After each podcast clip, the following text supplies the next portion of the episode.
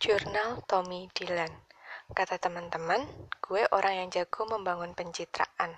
Kata mereka, gue mementingkan image gue di atas segalanya. Tapi, gue gak peduli dengan apa yang mereka tuduhkan. Bukan salah gue kalau gue pintar berbicara. Gue emang anak sulung dari tiga bersaudara. Posisi gue sama kayak Cecep. Adik gue juga ada dua. Bedanya, adik gue kedua-duanya laki-laki.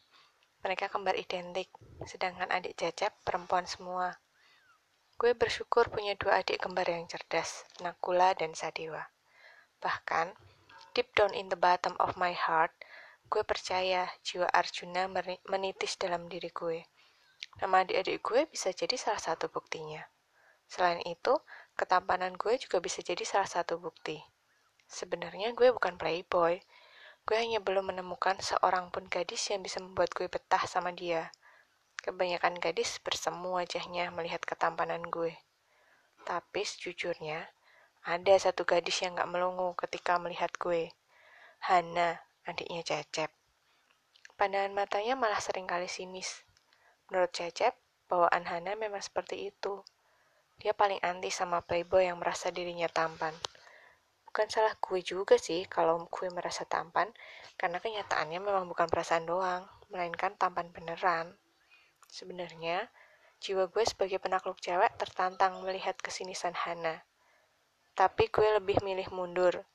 Gue nggak mau bermain asmara sama adik sahabat gue sendiri. Gue nggak bisa mengambil resiko kehilangan sahabat gue, apalagi sahabat apalagi resiko kehilangan sahabat gue, apalagi sahabat seperti Cecep. Sampai pada hari itu, hari sewaktu logika gue jungkir balik saat bertemu Katara, keponakan Pak Agung. Katara adalah mahasiswi tahun pertama di sebuah perguruan tinggi Jakarta. Coba deh bayangkan, Katara itu sabum taekwondo di SMU gue, pelatih baru Hana. Saat kali pertama gue lihat dia, gue kira dia anak SMU juga. Pada waktu itu, kami bertemu memang pas hari minggu di sekolah. Saat itu gue janjian sama band gue untuk latihan bareng di sekolah. Saat itu, gue bener-bener kehilangan logika. Cuma Katara yang ada di pikiran gue. Apalagi saat gue sengaja beberapa kali berlagak berpapasan hari itu, dan dia yang seperti nggak peduli sama gue. Seumur hidup gue, nggak ada satupun cewek yang nggak menyadari kegantengan gue. Sialan, Padahal saat itu gue melancarkan senyum gue paling maut dengan memiringkan sedikit sudut bibir sebelah kiri gue. Setelah berpapasan untuk ketiga kalinya, dia baru menyadari kehadiran gue. Gila aja kalau sampai dia terus-terusan gak menyadari keberadaan gue. Gue yang udah gemes mulai sengaja menghalang-halangi jalannya. Saat Katara dengan lincahnya ingin melolos melewati gue yang bersandar ke tembok, gue langsung menjatuhkan diri gue ke arahnya. Katara refleks melompat mundur sambil melotot. Maksud lo apaan sih sebenarnya? Lo sengaja ngalangin jalan gue?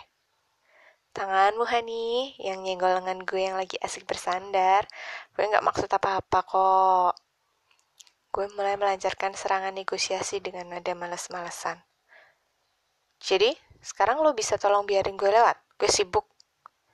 Katara memutar-mutar bola mata indahnya, lalu berjalan ke arah kiri gue. Dan gue dengan lincah berjalan menutupi langkah Katara. Anehnya, Katara tetap tenang dengan aksi gue. Beberapa gadis biasanya langsung tersipu-sipu atau terpana memandangi wajah gue. Emosinya gak terpancing, luar biasa. Maaf ya, Dik. Biarkan kakak lewat. Siapa namanya, Dek? Katanya tersenyum manis, tapi kelihatan dibuat-buat dan gak tulus. Ekspresinya jadi tampak menggemaskan. Wah, jadi lo anak baru kelas 12 ya? Perkenalkan, gue Tommy, Arjunanya SMU Nusantara. Katara terbelalak, lalu terbahak-bahak. Sialan, gue jadi serba salah. Gue gak pernah ditertawakan seperti itu. Spontan gue langsung mencengram kedua lengan.